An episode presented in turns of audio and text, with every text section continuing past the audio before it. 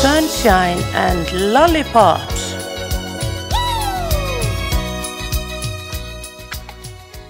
Halló, halló. Ég heiti Anna Þóra og er Björsdóttir.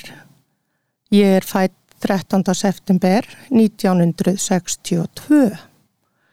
Það eru kannski ekki endilega mjög margir á mínum aldri sem að vilja hafa podcast en ég ætla að láta vaða því ég hræðist ekki neitt í þessu lífi. Ég er búin að fá frábæran gest. Þetta er eina mínum uppáhaldsmanniskum í lífinu. Hún heitir Sigriður Tollosius og er söngkona og hún ætlar að gefa mér vonandi fullkomna ammaliðskjöf að því hún á vona barni 13. september. Við sjáum hvernig það verður. En Sigga, velkomin til mín og takk fyrir að taka svona vel í þetta, kom í fyrsta podcast þáttinn minn. Takk fyrir að bjóða mér og takk fyrir að bjóða mér að vera fyrsti gesturinn. Á ég kannski að segja hvað þátturinn minn heitir? Ég væri það ekki í kjöri. Já, hann heitir sem sagt Sunshine and Lollipops. Já, og það segir sér sjálft að í þessum þætti verður talað um allt og ekkert. Ég ætla ekki að taka neina ákvörðun um, jú, ég ætla að tala alltaf við konur, ég ætla að tala alltaf um feminisma eða eitt eða neitt, ég ætla ekki að ákveða neitt. Þetta verður bara látið flæða og við sjáum til ef að þið hlustendur fílið þetta, þá er aldrei að vita nema ég bara geri þetta í soldin tíma Allavega var ég til ég að gera þetta þangað til ég er 80 ára. það er, Þannig að svo, þá erum við að tala um 21 ár. já, það er, það er daggóðu tími. Það er, ég held að það sé bara mjög gott markmið. Já. Já, Hugmyndin að nafninu, mér langar svolítið að segja er hana. já ég var nefnd að velta það fyrir mér. Já, ég hérna gifti mig á tímabili á tíu ára fresti í Dómkirkjunni en á milli manna þá átti ég danskan kærasta sem ég flutti með til Svíþjóðar hann var 15 árum eldri en ég og ég held að þetta sé mjög algengt að konur þurfi að prófa að vera með eldri manni hann talaði af Ísu svolítið niður til mín og hann sagði ofta því hann fannst því svo kærulaus þú held nú bara lífi sé sunshine and lollipops Með ég þjósti. hef snúið þessu orði við eða þessar setningu lífið er sunshine and lollipop Nákvæmlega. Ég hugsa að það sé miklu betra að það sé það heldur en sko það er svo margt annað sem geti verið svo miklu verra og leðilegra. já ég, það sem er mér langar að ræða við þig Já. að ég er á svona krosskutum í lífinu Mhm. verð 60 ára á næsta ári Nákvæmlega. á næsta ári verði ég 60 ára mér finnst Stórkostlegt. náttúrulega að, já það er stórkostlegt en ég hefði alveg verið til í að það hefði verið sett pása núna meðan að COVID var, mér finnst ekki alveg eðlilegt að telja þetta með Nei, þú meinar að þú er inni hérna eitt ár. Já. og, já, Já. við öll. Alveg eitt fattist. og hálft. Já, já. Ég held að En- það sé alveg, alveg valitt. þegar að ég hugsaði um 60 ára konu þegar ég var kannski 30 eða 40 þá sá ég svona mynd af mömmu minni, ömmu minni og eitthvað svona ég sá svona, já, maga mikla konu standa við vöfljáttnið og baka hún í barnabönnin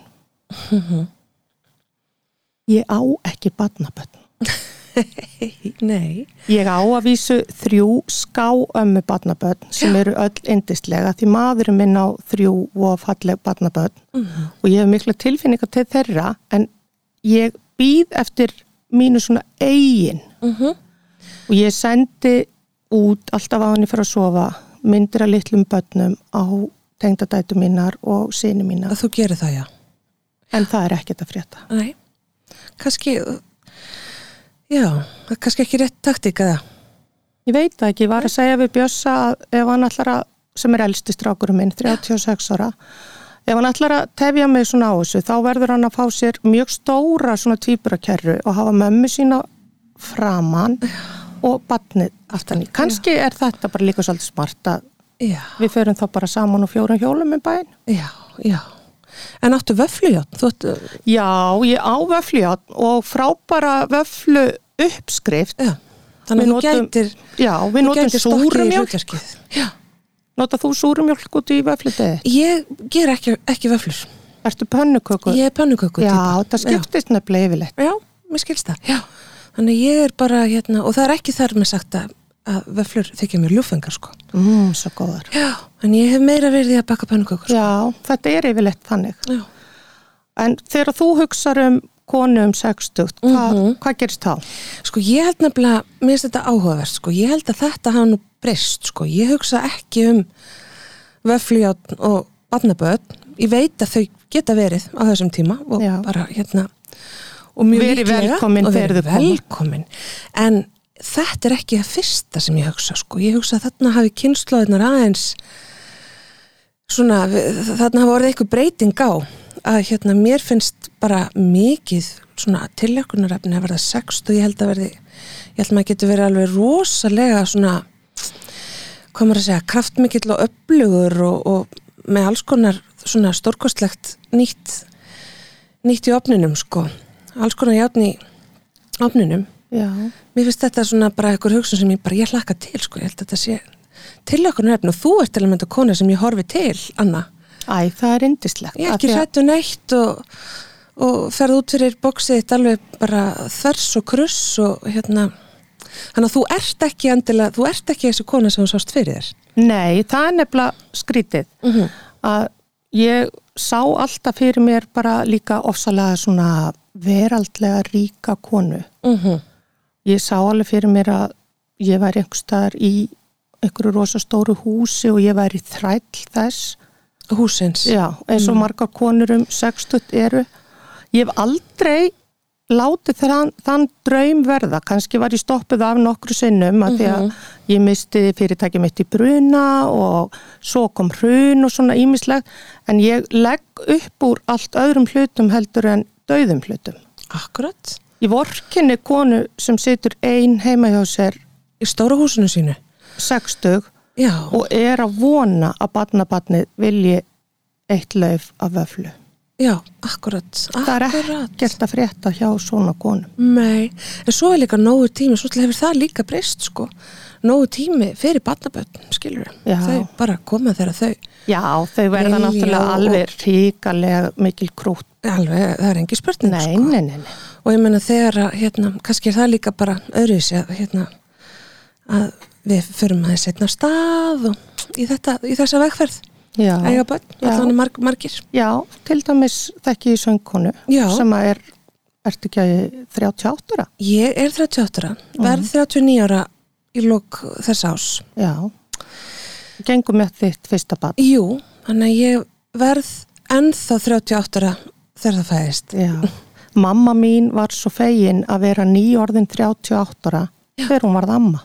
já, Já. hún var fegin Já, Já. af því að hún var 38 ára annan mæ uh -huh. og fyrsta barnabarni hennar fættist 30. mæ þannig að mamma var búin að vera 38 ára í í nokkra smá tíma, já, henni fannst það Henni fannst það kostur að vera ekki 37. já, ég skil, já ég reyndar sko, móði mín var sko 43 þegar hún átti mig Já, þannig að þetta er ekkert svona þetta er ekkert langt frá mér sko. þó hún hefði reyndar verið búin að taka þarna 20 ára á undan og, og eiga fjóra dætur á undan mér já, þá hefur mér aldrei þótt þetta eitthvað skri, svona skrítið eða eitthvað svona, þetta hefur verið Sko, þú nokkuð varst aldrei eitthvað að skammast inn að því mamma henn verið gömuleg. Nei, ég skammaðis mér aldrei, en ég man hins vegar alveg eftir að fengi spurningarnar, þú veist, eða ekki spurningarnar, en hérna, þú veist, ammaðin er komin og, og svona, og þá bara leiðið ég það, nei, þetta er mamma mín, þú veist, og hérna, því fylgdi ég ekki skam, sko.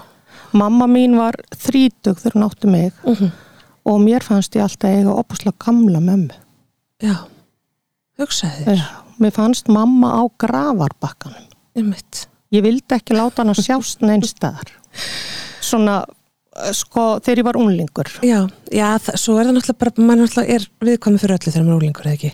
Ég, ég er búin að gera mig grein fyrir því að mamma var opaslega smart. En það fór í taugarnar á mér. Mig langaði að eiga mömmu sem var í hagköpslapp og væri ekki svona ábyrrandi en mamma fór mikið til London að kaupa sér föt og var í Jager og Aquaskutum og Burberry's og stundum Bara skrís. kefti hún sér appisjónugula kápu eða læmgræna buksur og þá lagðist ég í rúmið og átti opaslega bátt. Já, Mér fannst mamma alveg vera að gera með að mesta fýbli í Vesturbænum. Já, veistu, ég tengi sko við þetta sem er svolítið undarlegt af því að ég er náttúrulega stórkostlega móður, hún er algjört, Já, ég veit það. algjört drottning og eh, þeir kostir sem ég tel hennar stærstu kosti, helstu kosti í dag og sem að ég myndi vilja svona teilenga mér sko, það er það sem ég átti erfiðast með þegar ég var úlingur, þú veist, hún var of hávær, hún söng og mikið, hún spilaði mikið, hún var of skemmtileg í Já, bóðum og já. þú veist, tók til máls og, og dansaði og, og svona og hérna á þessum tímapunkti bara þá hafði ég mitt á hugmyndi, það væri bara miklu betra ef hún væri bara, þú veist, einhvern veginn kjur, Já, ekki svona á eði já, ég veit, ég bonda alveg við hvað þú ert að segja að því að af því svo veit maður sjálfur, þú veist, svo finnst manni þetta, þetta er það dásamlegasta í fólki þú veist, fólk sem að þorir aðeins að reyfa sig og reyfa við öðrum og, og vera aðeins, þú veist, Já. á lífi skilur en Ég- það er bara þegar maður er úlingur þá er allt einhvern veginn ómögulegt sko, og kannski sérstaklega mamma manns held ég, Já, núna eru strákarnir mínir yngsti 25, svo 1 27 og 1 36. Þeir eru ennþá eins og unglingar. Þeir fara alveg í kleinu þegar ég er í stuði. en þeir eru samt svo ánæði með hana held ég Já. þeir eru það sko Jú, þeir Já. eru þá, ég er náttúrulega rosa ána með þá og þetta gengur allt vel hjá okkur en ég veit að ég er örgla eitthvað eitthvað skrítin að mér finnst miklu skemmtilega að skemmta mér með mjög ungu fólki og núna eru bara eiginlega bestu vini mínir sko fætti 98 þeir eru mun yngri heldur en sinni mínir og þarna spila ég vel kannski hefur þetta eitthvað með að ég er bara sko ekki búin að þroskast ég hef ekki tekið út þroska eða sko kannski, já þú náttúrulega kannski bara einhvern veginn eða ferð ekki held í mér þroskan í, já, já, eða ferð ekki þroskan í svona línulegu ferli þú veist að fara svona fram og tilbaka einhvern veginn já, þú veist, taka út einhvern, einhvern ákveðin þroska núna sem að já, Skilurðu? jú, þetta er góð pæling þú veist náttúrulega ert ekkit, ekkit almennt í neinu línulegu ferli annað þóra nei, ég veit að hérna, ég fór í svona ATHD greiningu -hmm.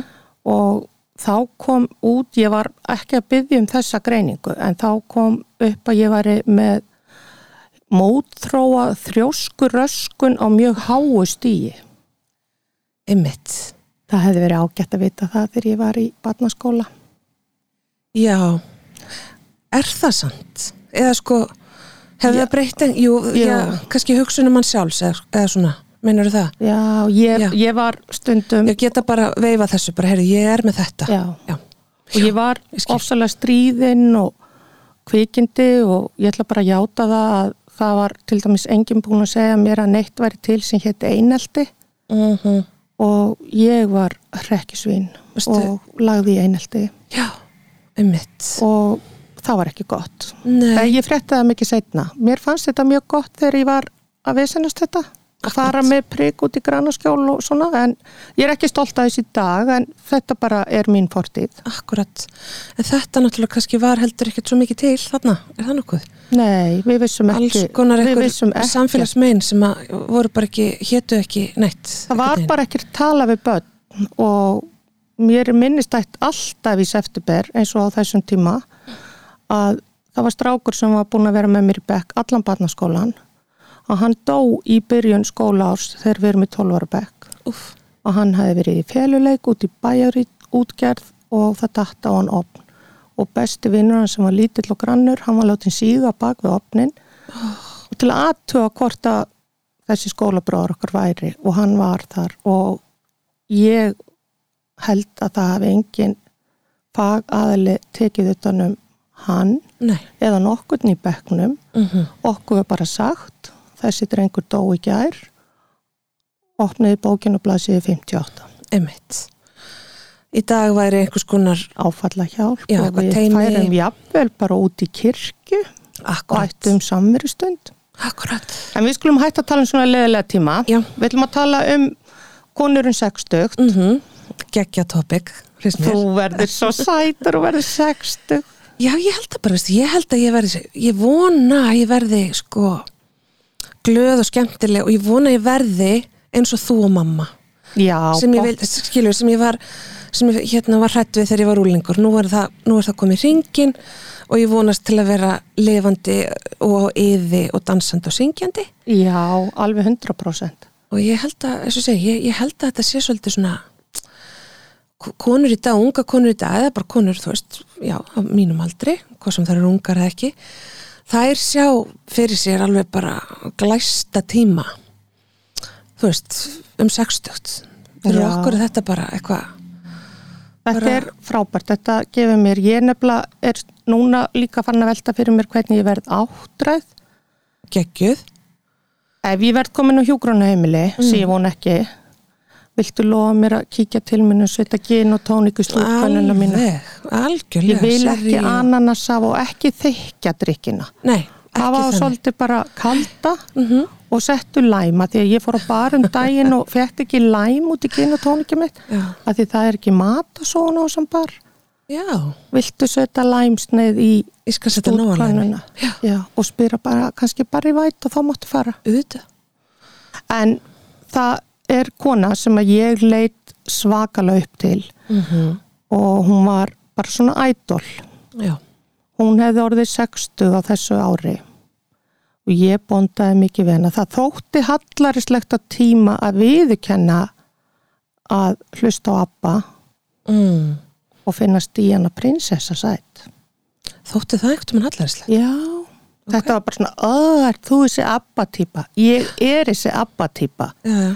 Og hvað voru þau að gera? Nákvæmlega. Gef út lög og ég ætla sko að segja ykkur þetta að þegar ég verð 60, þá verði ég á sem tónleikum. Já, þetta. Ætlar að vera með? Já, ég ætla að koma með. Æði.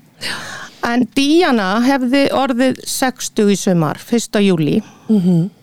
Hún lést því miður allt og allt og ung. Hvað var 7. hún gömul? september 7. september. Já. 1997 þannig að það er 25 ár seðan að Díana lést í Já. hræðilegu bílslisi 25 ár. Já. Hún var ekki eldri. Nei. Nei, og hérna ég man alltaf hvar ég var Mm. manst þú hvar þú varst? Ég er endar mann hvar ég var. Já, Þetta er eitt af þessum, sko, þetta er eitt af þessum mómentum sem að mann. Ég mann ég var uh, gestur hjá æskofingur minni sem bjóða Akureyri já og við vorum bara, þú veist, ég var, hvað sér, 90 97, 97, ég hef verið 14 og mamma hennar kemur inn í herbyggið svona með tárin í augunum vekur okkur eða svona við erum að, að koma okkur á lappir og hún kemur inn og hún segir þetta bara svona guðmi góður, Diana prinsessa er dáin Já. það var bara svona rosalega stert og rosalega greift í minnið og hún akkurat, mamman, þú veist, mikill svona aðdándi hennar við kannski svona svolítið á skjön verandi bara úlingar, vita hver hún er og svona Mhm. en eftir þetta þá fór ég dálítið að fá hana á heilan sko já það er kallað að fá Díanu fýver já, ymmit, það, er bara að það er þekkt tengi við það já, þú bara færð Díanu hita Mm, ymmit en Díana var sem sagt árun eldri en ég já, Þannig að það, ég er ofta að hugsa samt um það, þannig er ekki komni neinir svona samfélagsmiðlar, það er ekki Instagram og það er ekki Facebook og við fyrum ekki á netið. Á hverju vissum maður samt svona mikið um hana?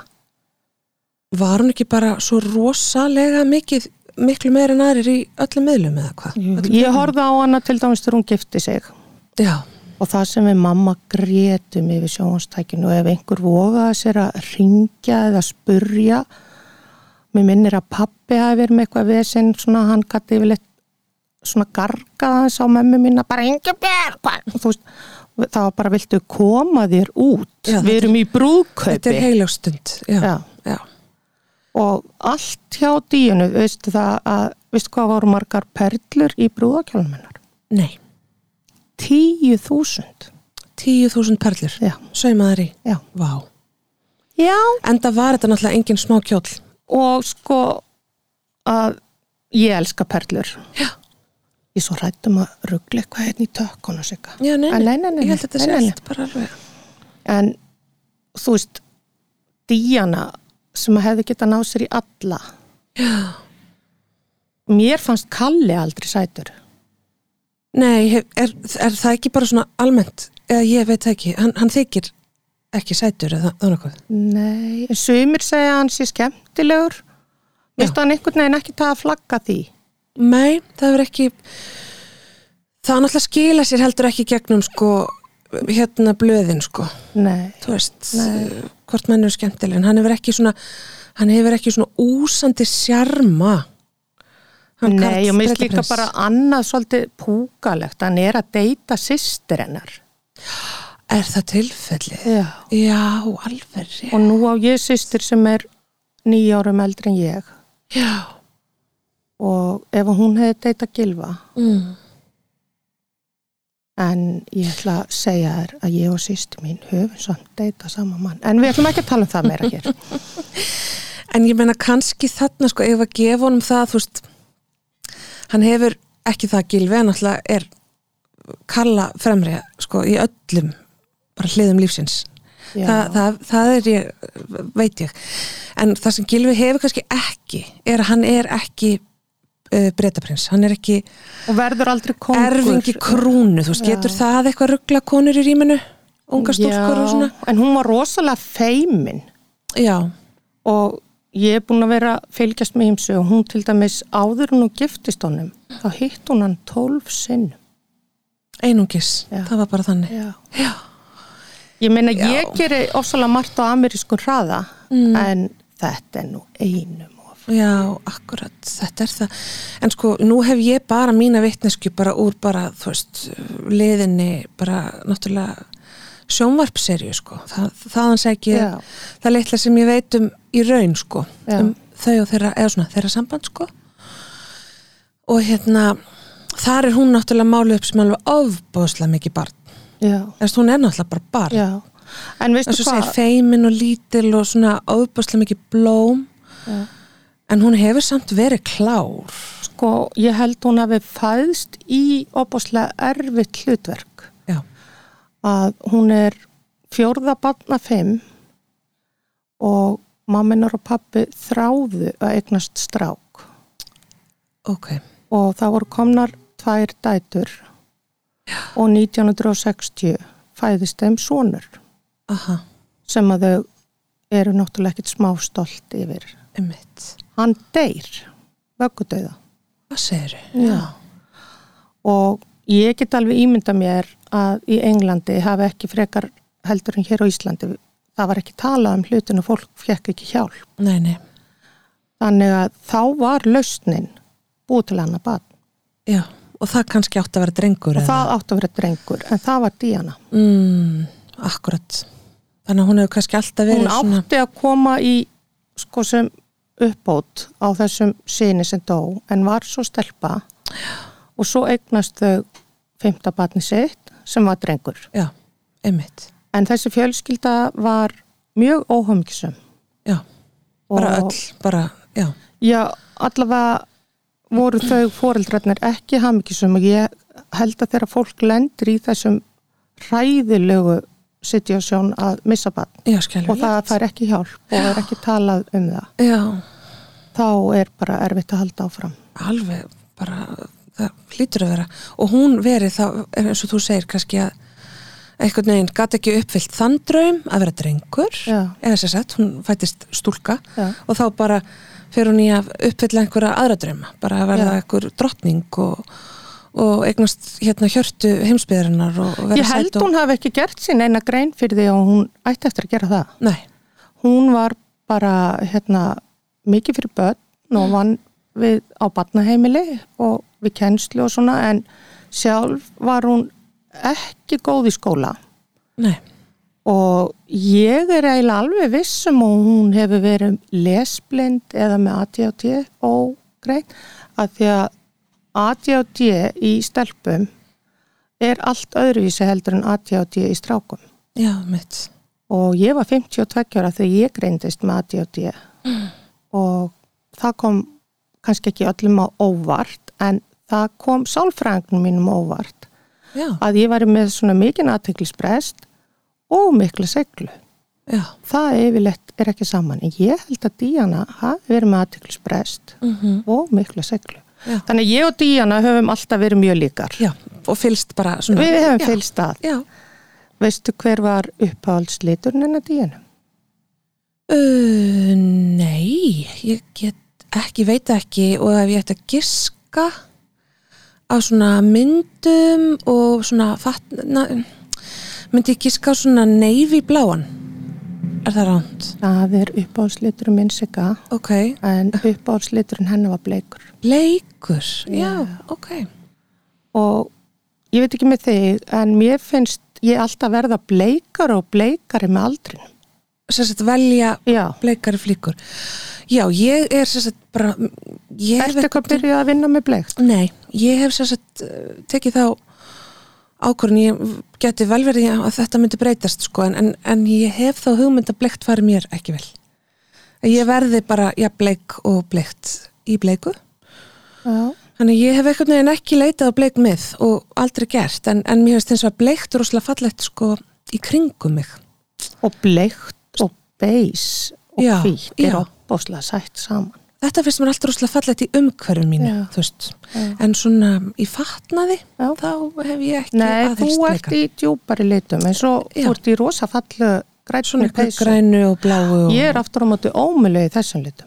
Já, Það klæði mig vel að vera í ljósbláu, ljósbleiku. Ég hefði til dæmis verið bara mjög fallegu fyrirbyrju og verið lengi á fæðingadeildin í svona fæðingagalla ljósbleik. Já. En nú er þetta bannað. Nú ert þú ekkert að fara að eignast son eða stúlku, þú ert að fara að eignast barn. já, það er nefnilega þannig.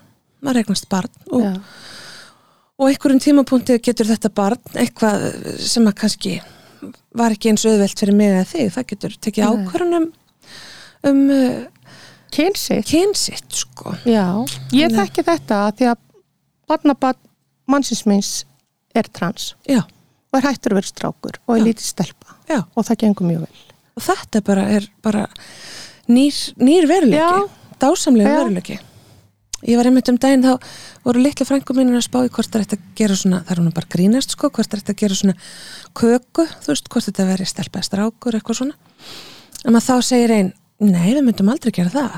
Við myndum aldrei velja fyrir batniðina sigriðar hvort það veri stelpa eða strákur. Við myndum bara gera köku bara með fullta litum og alls konar regnbúa þar sem, þar sem það geti bara valið sér sjálft Já, þetta er indislegt. og þetta er bara, þú veist einhver ný og miklu falleri hugsun sko Já, þetta er bara alveg frábært hvað við erum öll að opnast fyrir öllu. Við erum að Já. verða góð við konur um sextugt. já, Ég til dæmis kemst upp með ofbásla martsika. Að því Já. Mhm. ég er kona og að því ég, ég er sko 58 ára í dag. En ég tala alltaf eins og ég sé löngu orðin 60 en það er ekki verið ná næsta ári. já þú veist bara búið til eitthvað svona aðlögunar og bara eitthvað Já, svona, já, en veistu það, ef að maðurinn minn myndi haga sér eins og ég haga mér, þá væri hann á holmseiði. En ég er alveg viss um að Páll Vingel, sem er góður viðskiptavinur í sjáðu, já, hann myndi hugsa vel um hann. já, já, það er Já, ekki já, spurning. já, já, en bara maður verður að passa sig og Já. ég þarf að fara fullornast. Þetta gengur ekki að láta svona annað þóra. Pff, ég reyndar er ekki alveg sammála því en, en hérna, minnst þú bara ganga mjög vel Já. já, ég hef dansað oft á línunni. já, það- er það samt ekki líka bara listin sko Jú. að kunna að dansa á línu, þú stundum náttúrulega kannski stígum maður aðeins yfir hana en maður rata tilbaka og kannski getur Ég get alveg sagt sorry. Já, það er nefnilega það sem er svo mikilvægt Já. að geta sagt fyrir ekki Já. Ég held að það sé Ég sko aðan þarf ofsal oft að gera það að því að ég er bara alin upp við að mínir foreldrar og bróði minn Já. voru alltaf að gera símat Já, einmitt og ég Þú- er við þennan eigileika. Þú hefur gert þetta Já. Hef ég ekki ringt í þig? Jú, þú ringdi mig Já. og það er fyrir mörgum án síðan Mm. það, og jú, oftar en einu sinni sko en ég man eftir að hafa einu sinni reynt að gera aðt í þér Það gengur ekki. Það gekk ekki mjög vel Nei. Það var við, við Inga frængaðin Já. þá var sér sett, Inga var með þessa hugmynd nú er komið að skuldatöfum eða þú veist, nú þarf hún að borga tilbaka Já. en þú einhvern veginn þér tókst að sjá við okkur sko, fyrir þau Já, það er Fljótt. nefnilega rosalega margir sem að vilja meina það að ég eigi að fá verilega bökin fyrir hvernig ég er búin að láta. Já. En ég áða til að ringi fólk eftir tíu fréttir Já. og hérna ég bara hér og nú byggst innilega afsökunar en ég get alls ekki lofað því að ég sé hættisög. Nei, en hefur þetta, hefur þetta ekki mestmagnis bara verið svona stundar, þú veist, óþægindi? Þetta hefur ekki sko langvarandi, þú veist, þetta hefur ekki verið, eh, ekki hafa dreigið mikinn dilk á eftir sér. Ég þessi símar. hef verið kærð. Að þú hefur það? Já, en það var dreigið tilbaka. dreigið. ok. Það er ekki ólulegt að segjast elska fólk. Nei, það hefur komið, þú, þú ert búin að sannreina það fyrir, já. Sko, ég hef aldrei hóta neinum neinu. Nei, Mér finnst eiginlega bara alltaf skemmtilegast að gera, sko, að mig, að ég sé fýblið. Ekki sá sem ég ringi í. nei, nei, nei, einmitt, bara, og ég náði svolítið góðu grín í sumar að því að maður hefur orðið svolítið húmórslaus núna í þessu COVID-i og ég var á Siglufyrði og var með Jakobi Birgis uppstandara aha, og var búin að lofa honum að ég myndi hýta upp fyrir hann og hann hafi ringt í mig á lögataskvöldi, ég var búin að fá mig smá rauðvin og var búin að panta, pantaði þá þetta kvöld bara sumabústað og Já. ætlaði náttúrulega bara að hafa kósi helgi með fjölskyldinni já, já, og en svo þegar ég vaknaði þá myndi korki ég niður tengdadóttur mín hvaða meil við höfum notað til að panta bústæði. Já. þannig að við fengum aldrei svar Nei, Þannig að þetta var að verða svolítið vesen fyrir að koma að siglufjörðarferðinni. mhm. Þannig að það endaði með ég ringdi bara á þetta fína hótel Já, og pantaði þar. einmitt. Vina hjón mín, Ann og Kalli komu með og við fórum á marakoskan stað alveg Dásamlegan? ofboðslega- Já, opaslega, en ofsalega heitu maturinn. heitur. Í, ég brendi mig svo á vörinni. þannig. Já, svoleiðis Ah. Nei, og heitur. tungunni. Ég var að drepast í tungunni í nokkra dag. Þannig að Æi. passi að blása svona. Já, leifa svo aðeins að kóluna Já, svo fyrir litlu þetta er bönni. opaslega heitt. Já, Nefna við komum svo aftur bara upp á hótel og fáum okkur espresso martini eins og ég Eins og sér maður orðið gerir. núna Já. fyrir svefna. Þetta er bara mjög gott. já, Nefna á leiðinni inn á herbyggi þá fór Gylfi inn á okkar herbyggi bara aðeins og undan og ég stoppaði aðeins í önn og kalla og fekk mér eitt gin og tónik já. með læm Uh -huh. og þá fannst mér tilvalið að ringi frænda minn sem er lögfræðingur og hann Helga Svavar Já, og hann er frá Siglufyrðan Helgi Svavar akkurat, og hann er svona típa, hann þekkir alla akkurat. og hann var búin að láta alla vita á Siglufyrði að ég væri að koma að því að þetta var eitthvað óljóst með gistingu Já, og ég ringi í þennan lögmann, frænda minn já, og segja honum að hann verði að hjálpa mér ég sé í algjör vesinni á Siglufyrði já, já. og hann var með matabóð og Helgi Svavar var í þessu matabóði og Þeir, Þeir voru, voru saman. sem já, sagt, þeir eru svo góðu vinnir Já. Jónas frændi minn og Helgi Svavar Mhm.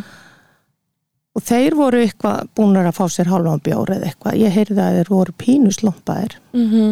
og ég segi við frænda minn lögmannin, þú verður að hjálpa mér það á að fara að henda mér út af hótelinu Einmitt. Og þetta var náttúrulega ekki, þetta var ekki, það, það stóð ekki til. klukkan var rúmlega 12 og ég sagði ég verða að vera farin klukka fjögur, ég þarf að skila herbygginu og þá að henda mér út og hann bara konan hann sagði hann, sko látt ekki svona hún er að fýblast í þér Já, og frændi minn sem þekki mig mjög vel sagði nei, nei, hún er ekki að fýblast ég heyri það, ég þekki alveg munin á henni önnu þegar hún er að djóka og þetta er alvara já, og hann sagði af hverju á að henda þér út ég sagði það er einhver miskilningur í gangi að fólkið í lobbyinu heldur ég sé að selja mig já. þannig að elsku Helgi Svavar fór í það að leiðrætta þann leiða miskilning að það ætti að henda mér út ég væri ekki gleðkona ég hefði eflust bara verið búin að fá mig pínu kvítvin en þegar hann fór að ringi alla á hótelin þá kannaðist bara enginn við þessa sögu þannig að Sá sem kom illa út Já. er Helgi Svavar trommuleikari og ég veit Samvisku sem er samherinn þarna í þessari sögu, hann kemur, já, já, já, en svo fór ég bara að sofa og svo var brosað til mín úr hverju hotni á hótelinu alla þessa helgi og já, sér það.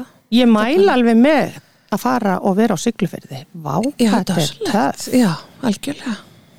Og það, já, þarna hefur bara verið vel tekið af þessu máli. Já, Já. mér var ekki hend út Nei, en nei. það munnaði litlu. Já, en ég veit þetta nefnilega um því Anna, ég hef bæði heyrst þetta náttúrulega reyndi daginskinni og svona að þetta er, þetta er ákveð sport að Já, að- að- að, hérna, taka upp síman og, og, og bölla pínu einhvern veginn. já, Ég með þetta getur náttúrulega líka verið bara litur í lífið skilju, líka fyrir hinna sem taka á móti símtælinu, menn Já. þetta er bara setur Já. kannski smá, þú veist maður er kannski eins og, eins og í þessu tilvill er eitthvað matabóð sem fyrir aðeins eitthvað pínu já, fór víst ofsalega mikill tími í þetta og mikið verið að ringja.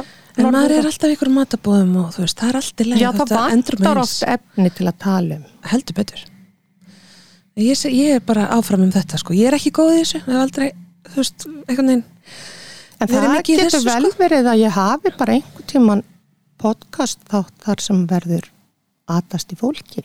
það er bara alltaf gott, ég held að það sé bara svolítið gott út á sefni sko Já. Eða, sem sagt, podcast efni Já, ég held það. En eigum við að tala aðeins meir um díun? já, algjörlega, aftur bara, aftur tilbaka allir hún hafi verið í stríðin Ég held það nefnilega. Ég held að ég og hún hefðum verið svolítið góðar í höllinni að gera símat. já, ég held að það sé eftir að gera það í höllinni Já. Vá, hvað það væri gaman. Sjá Elisabethu drottningu þvælast eitthvað. Þykjast vera að ná í pítsu. já, Þú veist, hún vildi taka bara við henni sjálf. einmitt Hún er hættum að verði eitra fyrir sér. Já. Hún fer fram á að pepperoni séu upp á rönd. já, já, já. Hún getur tekið eitthvað svona rönd. það er alveg hægt að gera alls konar svona Já. En Díana, hún var sjö ára þegar foreldra hennar skildu. ok, Það er votöf. já, Foreldra mínir skildu líka þegar ég var sjö ára. já Þau tóku samt saman aftur Já, þegar ég var ég- 16 ára. einmitt, af því ég, þarna kom ég að þess að fjöllum ég hef ekki heyrt þetta Nei, Að það Ég var hélt- sem sé svona ég held þetta hefði verið styttri tími oh. að því að hann kom reglulegi heimsókn Mhm. og vaknaði stundum hjá okkur og svona en hann vaknaði líka út í bæ. mm. Mm. En þegar maður er sjö ára, þá er rosalega töff þegar búrildrarnir skilja. Já, ég trúi því Þannig að við Díana, ég deili þeirri reynslu með henni og hún átti draum um að verða ballerína. átti hún, Já, já, ég líka. já ymmit, Ég var í balletti þjóðlukusinu. Ég veit alveg að þér dettur það ekki fyrst í hug þegar þú serð með að ég sé ballerína. mér dættu bara svo það er bara svo margt sem hann er dættur í hug þannig að sér þið fyrst þannig að það, það getur alveg poppað upp eins og hvað annars sko En Díana var það hætta því hún var svo hávaksin. ah, Held í bullin. já, Akkur ég mátti ekki vera hávaksin ballerína. ymmit Ég meina ég væri lávaksin ballerína. Mhm. þetta er bara sama eins og þegar það er sagt við þú veist lítil börn, bara heyrðu þú verður aldrei konsertpianisti með þess að butta ha, þannig að það er bara eins gott að hætta strax sko, Já. þú veist að þetta er ekki á fiðluna Nei. þessi hrammar, þeir verða ekki góður á fiðluna Þetta er svo Ég held að ljótt sé nú þegar það svolítið- er búið að ákveða fyrir mann. en er, er þetta ekki, er ekki hægt þessu í dag svolítið, Ma, máttu ekki bara vera háveg sem ballerína og, og láveg sem ballerína og alls konar svona í ákveðin tíma, þú mátt Já. það er það ekki Jú, mér finnst það. En aumingja hún að hérna, hætta sem ballerína og ég mann líka eftir því þegar ég setti hennan draum til hliðar. já, Að það var ekki töff að vera í balletti þjóðlíkúsinu þegar þú varst orðin 13. nei, var það þess vegna sem að þú Já, hættir já, ég vildi fara í disk og dansa hjá heiðari. já þetta Og svo komst ég setna að því að hann Gilvi, maðurinn minn, mm. hann var í sýningaflokk hjá heiðari og bömpaði í sjónvarpinu. ok Kanta bömpa.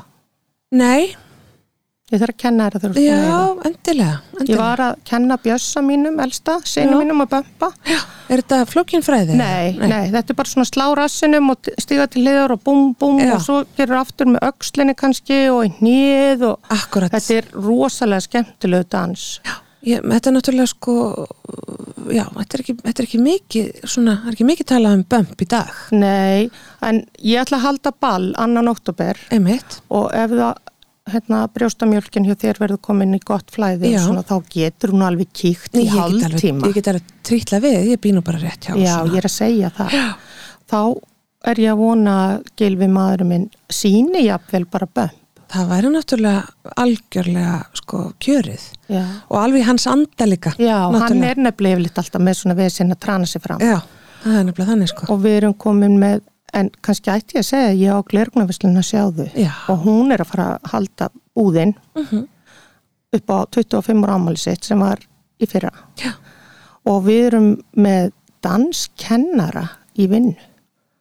Ok, Það er hún Sandra kærastannars Magnúsa Jóhans Ég mitt. og hún ætlar að semja sjáðudansin. Í alvörunni. Já. Auðvitað. Já, Auðvitað verður sjáðudans, þú veist, af því að það er náttúrulega auðvitað er sjáðuball já. og auðvitað er, þú veist, hafa verið sjáðu tónleikar og sjáðu hitt og sjáðu Já, þetta og sjáðu jólaball og allt. kokteil. Já, já, sjáðu kokteil. Já, Já, þá en, er, þá er alveg um að gera sem sjáðu dans. já. en Geggjað.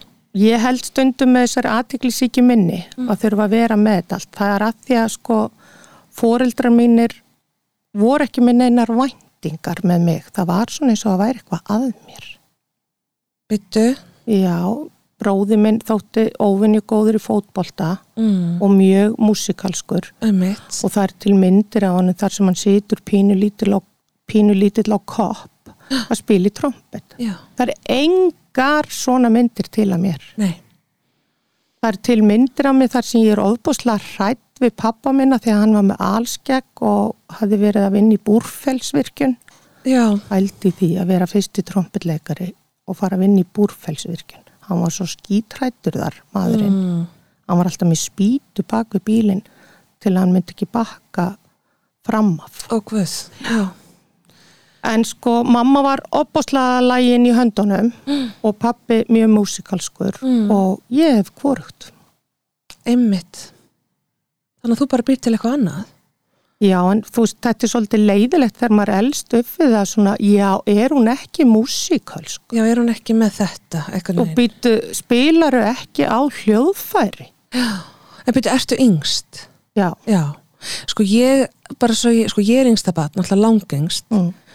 og það uh, heyrir, það, það er svona alveg bara sko efni í símtal frá fóreldur mínum hefur verið, ef það finnst, hérna, heyrðu við fundum að í mynd, já, við fundum að í ljósmynd, hérna þryggjara, af því það var sér sett lengi vel svona þegar ég var úlingur og svona, þá, þá fór ég að taka eftir því að það var einhvern veginn ekki droslega mörg spór um mig já, og mína bernsku, svona miða við sýstu mína skilur, það var alveg ljósmyndarinn og heimasömuðu fötin og, og svona sko, já, að hérna þetta vantaði daldið, þarna var bara eh, alltaf hefur komin eitthvað nákvæðin leiði bara, bara Já. barnum með fimm og já, að það var samt ekki þannig að sko, ég, þú veist, það var ekki ætlast til neins kannski að mér en það var heldur ekki, þú veist, ég var bara góð og dugleg og, og gerði mitt sko, þannig ég er svona tengi við þetta sko að hérna að eh, já, vera svona bara já, ég var ekki, ekki afskipt aldrei nokkuð Nei, ég var það ekki heldur en þetta var rosalega erfitt að vera ekki neitt flink í höndunum Nú verið bara svona skuggin af kannski eh, sískinuðinum Já. já, sýsti mín skrifaði mjög vel og bróði minn mjög músikalskur og svo er ég eina í fjölskyldarni sem er örfend já, þannig að það gætt enginn kent mér að hekla og mamma fekk sko bara svona frest að ég myndi þá bara kannski læra það 14 ára eftir fermingu að hekla já, hvenær áttu maður að læra það? ég held að það hefur í týrabekk Já, það voru pottaleppar en svo að því ég var líka ekki músikalsk en ég reyndi og valdi mér klarnett alveg rétt, já að því að það var í flottustu töskunni Já. en ég væri rosalega ánaði að ég myndi hitta einhvern sem hefði spilað með Symfóníu Hljónst Íslands og við erum að tala um fyrsta klarnett Já, og dansað með íslenska dansflokknum í þjóðlugkosinu fyrir 11 ára aldur. Sumir hafa nefnilega gert þetta og svo hætti maður bara á toppnum.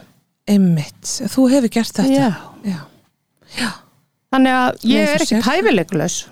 Nei, þú, hef, þú sér það, þú, ert- þú ert bæði sko, þú hefur bæði verið starfandi ballerina Já. og starfandi tónlistamæður Það er ekki greitt fyrir þetta en Nei. þú veist alveg hvernig þetta Ég er með veit alveg listafólk. hvernig það Það, er. fær ekkit greitt það er, fyrir ekki. það, það er ekki, það er ekki hérna, það er ekki fórsenda fyrir því að vera starfandi að fá greitt Nei, sko. það, þú hefur svo gaman að þessu, eða ekki? Jú, jú, Já, já. gleðja hérna og gleðja sig og svona Já. Já, þetta er, þetta er reyndar dágott í Já. reynslubanka Barts. Já. Þú segir hvað, fyrir 12 ára aldur? 11. Já. Já. En ég man til dæmis ekki eftir að pappi minn hafi komið á svo ballettsýningu. Nei, svo er það eitt. Hvar Já. voru þessi foreldrar? En þau voru ekki þarna eða? Nei, það var víst bar sem hétt Mímisbar og hópilsögu sem að var skemmtilega að vera ástund. Æ, ég minna, mér finnst líka mjög gaman að vera á bar og Já. hverjum finnst gaman á þessum sýningum. með Ballettsýningum. börnunum sínum. Jú, það er mismunandi. Það er- Það er mismund og svo er litla líka hægt að fara kannski, það, e, ég ímynda mér að margir fari kannski fyrst á sýningun og svo barinn eða ná einhvern veginn að púsla þessu saman. Já, það er líka gott að fara fyrst á barinn og svo á síningum. Eða Margrétar. það, já. Já, já, en við skulum nú ekki hafa ágjur af því. Nei, nei, nei. En hún, Díana, Já. hún var líka svona droppa át úr skóla. Hún hætti 16 ára. Ok, Kanski var hún ekkit kött áfram og kanski var hún ekki flink í höndunum eða... nei, Þannig að við eigum alltaf meira og meira sammeilett eins og það heyrir. ég heyri það, já. En, Og já, hún fór í það sem er kallað finishing school. hvað er það?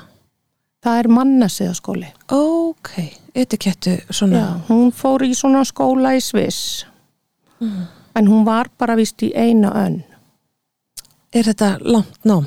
þetta er no og merkilegasta við það þá veit ég ekki marga á Íslandi sem hafa farið í mannasöðaskóla nei, nema mamma mín já, hún fór í svona, Já, já, hún átti draumum að verða listmálari já, og afi minn fekk enskan vinsinn til að taka út skólan sem mamma ætlaði á já, og þar komst þessi vinur hans afa að, að mamma hef, myndi kannski þurfa að sitja fyrir ber ó, þannig að það var algjörlega tekið fyrir þetta já, og afi sagði þú verður að finna góðan skóla fyrir hann yngi björgu mína já, og þá fann hann finishing Etikettuskóla. skóla. Já.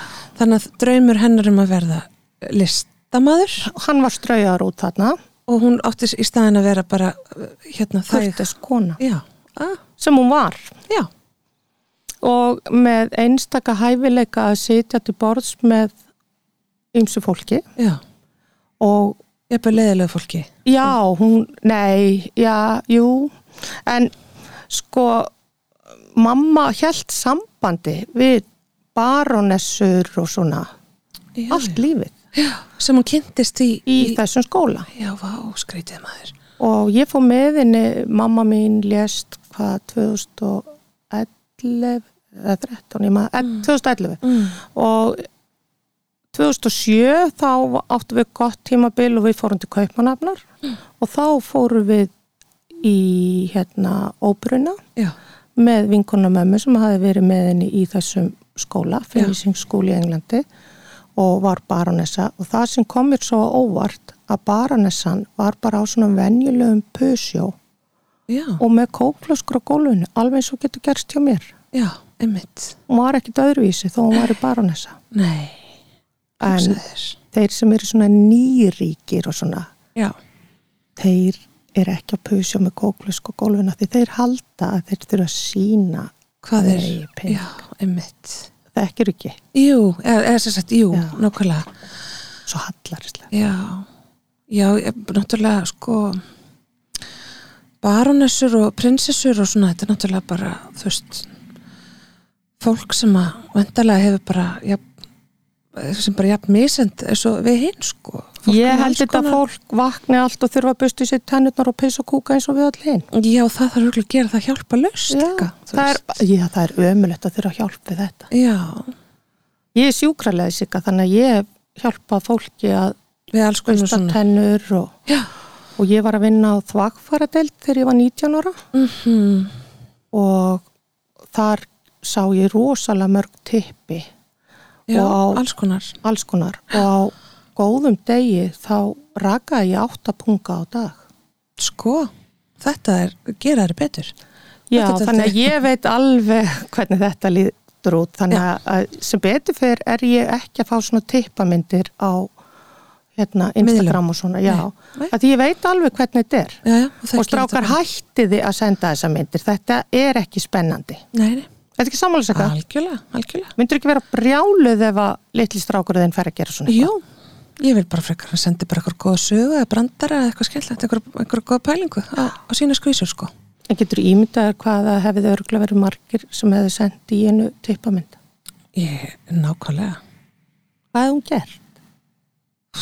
Hún hefði náttúrulega kannski haft einhver svona, þú veist, hún hefði væntalega, hefði ekki einhver verið fyrri til að fara í gegnum hennar Instagram og hennar, þú veist, samfélagsmiðla hefði ekki einhver svona frá krúnunni séð um það, einhvern veginn að sortir þetta fyrir hann áður en hún kemist í það Jú, er það ekki eitthvað Ég típist? held þetta fólk megi ekki vera á samfélagsmiðlum. Nei, ég held að mei, nei, eða sko það er á miðlum, Já. eða ekki En það er einhversu sérum. það er eitthvað sem sér um þetta og sortirar og einhvern veginn er bara í vinnu við að bara svona láta öllum líða aðeins betur með það sem er verið að senda og, og hérna að segja það var eitthvað um daginn, þá var hann hann að ég man ekki hvað hann heitir, litli prinsinn sonur barna- Harry litli. já, þegar hann átti ammæli hann Já, var hvað að vera, hann var að vera átt ára Nei, já, hann George. já, sannlega, já, já, George Svo skýra þau í höfuðið á mínum fó- barnum líka. já, svo er það þannig Já, og ég Mm. þú- meina það eru til önnur í Þú- þessari fjölskyldu og George og... En þú líka skýrit aldrei, þú ert nú með aldrei svona Bjölli og Hinrik Georg, þetta er allt með royal Já, ég vi- svo skil ekki af hverju er ekki búið að uppkvæta þetta. Nei, en, þessi, en litli prinsinn hann sko þau ætlaði að setja hann um ammælismynd, manstu Já. og það og það var eitthvað- fólk að stríða. já, Þetta þannig að er það var eitthvað ógeðslegt. svona hérna, þá er eitthvað hjá frá krúninu sko sem sér um að stróka út ljót ummæli og svona, þannig að Díana hefði aldrei fengið þessar teipamyndir þú veist, Mm. hún hefði, það hefði einhver verið búin að svona lagfæra, þú veist, þú, þetta er náttúrulega ekkert kannski, ekkert frelsi þannig, sko En heldur að ef að hún væri lifandi núna og væri bara ennþá 25 og hann væri náttúrulega að halda vinna Kamilu sem er náttúrulega skandall Ég þekki það. að gifta stíinu og halda við Kamilu Já, mm, já, sko allir hann myndi senda Kamilu tippa mitt Kalli Já, er hann ekki alveg víst í þessu? jú, ég ég get alveg ímyndað mér það Já Já, veistu, sveimi þá, ég held að hann væri alveg, alveg típa Og Díana, hva? Nei, Díana myndi ekki gera neitt svona og Kamila myndi bara taka mótis við ekki Jú, ég held samt að Kamila sé fyndi. Ég held að Kamila sé skemmtileg Já, sko. því miður, eða sko ekki Já. því miður ég held Já. bara að það, það er mín tilfinning, hún hlýtur að vera eitthvað eh, já, bara ansi já. Og svört og Hún, skemmtileg já, sko. ég hef heyrt það, að hún sé ógislega fyndin og skemmtileg en það er bara svo leiðilegt að hún Díana hafi þurft að dragast inn í alla þessa þvælu auðvitað, auðvitað. og þó hún hafi átt rosalega flottan brúðakjól að þá vald hún sjálf trúlunarringin upp á katalóg Nei Jú Já, Hversu það, var ekki, satt er það. það? var ekki meira lagt í það Byttu, er það ekki eitthvað svona iconic ringur, hefur maður ekki séð eða blár já. stegnengur Og Þetta fannst henni sætt, greiði litla stelpa. Elsku, já. Já, og hún er tvítu þegar hún gifti sig Og ég er sem rosalega stóra kjól. Það hefur nú bara valla sér stærri kjól. ég var 21 styrir gifti mig í fyrsta skipti Já. og veistu í hverju ég var? Stórum kjól. hvítri leðurdrag Ah, bæn, ok. ég er með mótri og þrjóskur öskun ég fyrir ekki blúndu kjóla Nei, mjög gott. og ég keifti þessa dragt í flónni, mannst þú eftir búð sem hétt flóin Uh, ég hef heyrt um þetta, hvar var þetta aftur? hún var bara rétt á Á kaffi Laugaveginum. Reykjavík Já. og hún gerður í flónni Mm, ég hef þetta heyrt- var svona já. second hand búð Ymmi. en svo var hún að flytja inn líka vörur frá Eitthvað töff töff. ógæðislega töf svo var ég að fara að gifta með hérna 21 ás Mhm. og ég var búin að fara í brúðakjólabúð hérna á hverfiskotinu með mömmu Mhm. og við hlóum alveg opbóðslega mikið inn í búðinni af því að ég og blóndkjólar er alveg skelvileg samsetning Mm, klæði mig mjög illa já. en svo fer ég á Hótel Ísland sem var skemmtstar og þar var tískusýning þar kom hvert mótilega og fæ- fætur annari í þessum geðveiku leðudragtum Hvítum leðutrött. hvítum og svörtum og allt og ég bara sé hvíta leðudragt algjört 80s atriði Já, þetta er, þú veist, 80 og þetta er 84 84. Já.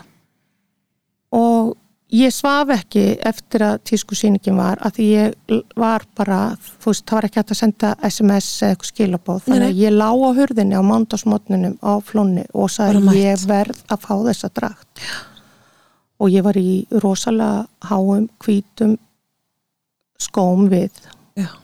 og Varstu á með maður- vönd eða? Já, og veistu hvernig ég hafði hann Mm. ég valdi þetta líka allt sjálf þú veist, ég var eins og díjana Með katalógin. að ég var með hvítan brúðamönd, mm -hmm. bara hvítar rósir ok og binni í blóm og ávustum gerði vöndin og hann sagði veist þetta er sorgarlitur ég sagði nei Nei. en ég var skilin eftir tvö ár já, en það var alltaf leið, þetta var gott partí og ég var sætt sem brúður þarna já, já, og hérna allt gekk vel já, já þanga til að hætta við fórum í rosalega marga ljósatíma ok, þannig að fyrir brúkabið, já. já, og svo vorum við með veistlu á Hótel Esju þar sem að fyrirvendu maður minn var að læra að vera kokkur Mm -hmm. og við byggðum upp á logandi lamb Vá, logandi lamp logandi lamp, ég Ha, legg ekki vá. meira á þig aldrei bara hvorki fyrir síðar heist Nei, þetta var svona lamp sem er sett á teina og svo er grillið undir og svo bara logar lampið Vá, og það var eitthvað svona kartiblugratín mm. það stóð í mömmu, hún var nærið því dáin í brúðköpunum, hvernig hefði það verið? Hefði það ekki verið típist fyrir mig að mamma mín hefði dáið í brúðköpunum mínu? jú En hún lifði þetta af já, já. ha, en, og þú líka þetta, Já, já, Ég, en svo þegar ég gifti mig í sætnaskipti, ég hef nú bara gift mig tvisvar, ég Já, já. kannski er, gera aðeins mikið, en þetta var á tíur á fresti sem ég fekk þess að deilu í domkirkjunni. já, Ha, Já. en að því við vorum aðeins að tala um nöfnin, já, að þá ætla ég að segja hann William, já. hann er Og- jafnaldri minn já, pappans vildi að hans fyrsta nafn væri Artur, já, ok en En ég Díana meina, fekk að ráða. heitir þetta ekki heitir hann þetta ekki heitir allir eitthvað William William, nafnum? lalalala, og svo kemur Artur. já, Og Harry, já, pappi hans vildi að hann héti Albert. aha en hann fekk ekki ráða þessu Nei, hún fekk sem betur fyrir að ráða fyrstu nefnum. En hann heitir Albert einhverstaðar. einhvers staðar, já já, emmitt, þannig að en Harry, heitir hann Harry, er það já, hann heitir Já, það já, ég held að. Já, en þetta er sko, þegar ég hugsa Albert, Mm, þá kemur náttúrulega Monaco prinsinn upp í hugan á mér. einmitt, eðlilega Já. En það var strákur með mér í bekk að því að ég var að segja að ég gætt verið að leggja einhelti og verið leðileg. já, Svo ég ætla bara að byggja hann afsökunar núna. Hann heitir Albert já, og hann sá um klattan í, bekknum Já. að því það var alltaf sá sem stóð sér best í mætingu látin sækja klattan þannig að hann var kallaði Berti Klatti já, og hann hafði aldrei fengið leifi og aldrei verið veikur og aldrei komið á seint en það var ég sem átti hugmyndina að því að binda hann við staur þannig að hann kemi of seint nei en ég ætla að byggja hann afsökunar hérna núna þetta var kveikindislegt og kennararnir komust að því að þetta var ekki fallegt að mér nei, þannig að við fengum öll hinn í bekknum seint en þetta Haf, þetta hafði ekki áhrif á, Nei, á hann Albert var með flekklausan feril. okay, það Sem er betur fer og pældi hvað gott að hafa svona fólk í vinnu.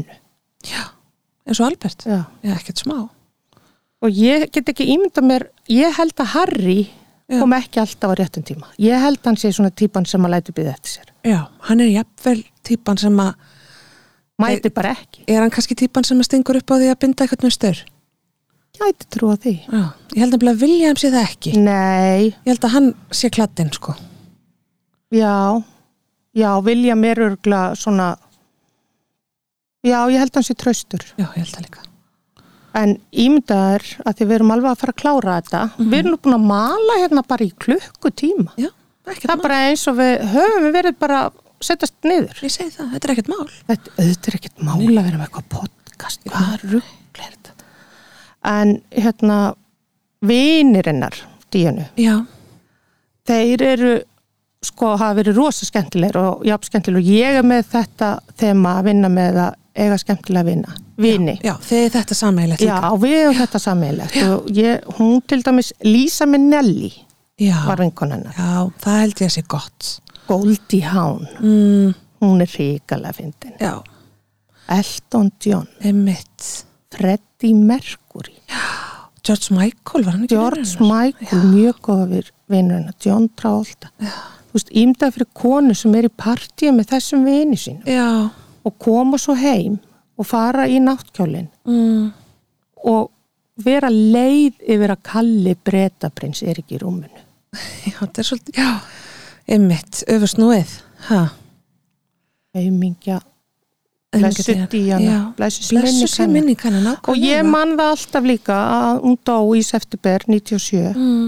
því þá misti ég bróði minn líka Þetta, já, einmitt á því sama ári já, já, þannig að Þetta ég er- var lengi að jafna mig þetta Fyrst, er svona, svona það er alveg svona merkilegur svona, það er merkileg Þráður á milli ykkar. tenging á milli mín og díjanu já einmitt já, ég verð bara að segja sko að hérna, það kemur svolítið á óvart hún, ég bara þú veist, ég meina það ekki þannig að hún hafi verið lítið út fyrir að vera eldra en hún var en hún var svo ung þú veist, hafandi átt svona alveg rosalegt lífslöp og langt og alls konar þú veist, og mér fannst þess að ég hefði verið búin að fylgjast með henni bara svona í gegnum eitthvað þú veit, þú veist, Mhm. bara ég komst ekki hjá því, sko þegar ég var hérna 14 ára, ég skilur mér Já. ja. bara, og hún var hvað sér 30 og hún var ekki hún 40 nei, nei byrju 97 er hún, hún var fætt 61, reiknaði hann nú já, hún bara 26 ára. já, 36 ára, já, 36 ára það er ekki neitt neitt Jésús góður að það er eins og þú hefði dáið fyrir tveim ég segi það,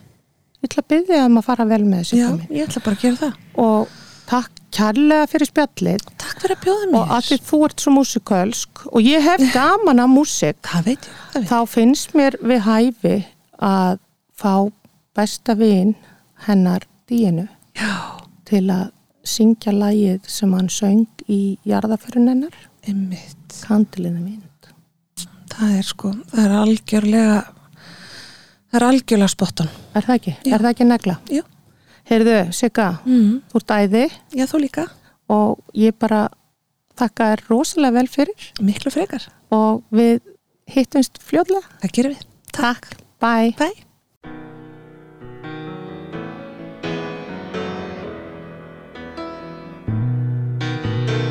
Goodbye, Norma Jean. No, I never knew you at all. You had the grace to hold yourself while those around you crawled. They crawled out of the woodwork and they whispered into your brain. They set you on the treadmill and they made you change your name. And it seems to me you lived your life like a candle in the wind, never knowing who to cling to when the rain set in. And I would have liked to know you, but I was just a kid. Your candle burned out long before your legend ever did.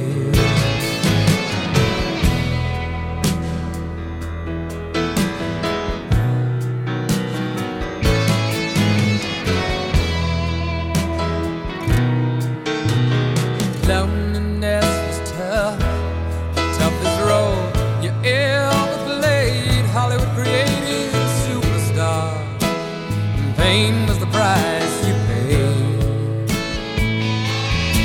Even when you died, oh, the press still hounded you. All the papers had to say was that Marilyn was found in the news. And it seems to me you lived your life like a candle in the wind, never knowing who to cling to when the rain set in. And I would have liked to know you, but I was just a kid. Your candle burned out long before your legend ever did.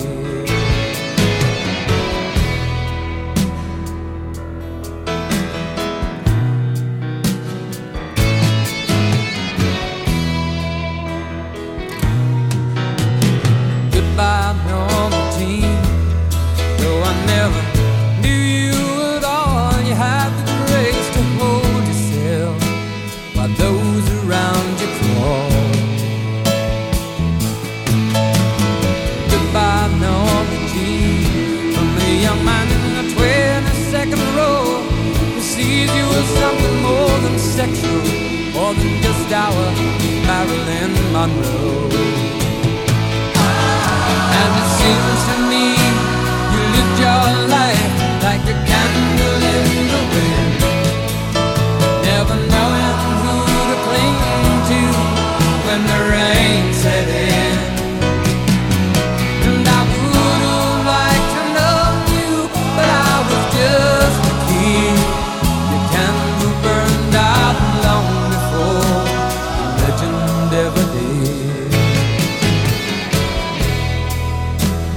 candle burned out long before legend ever did.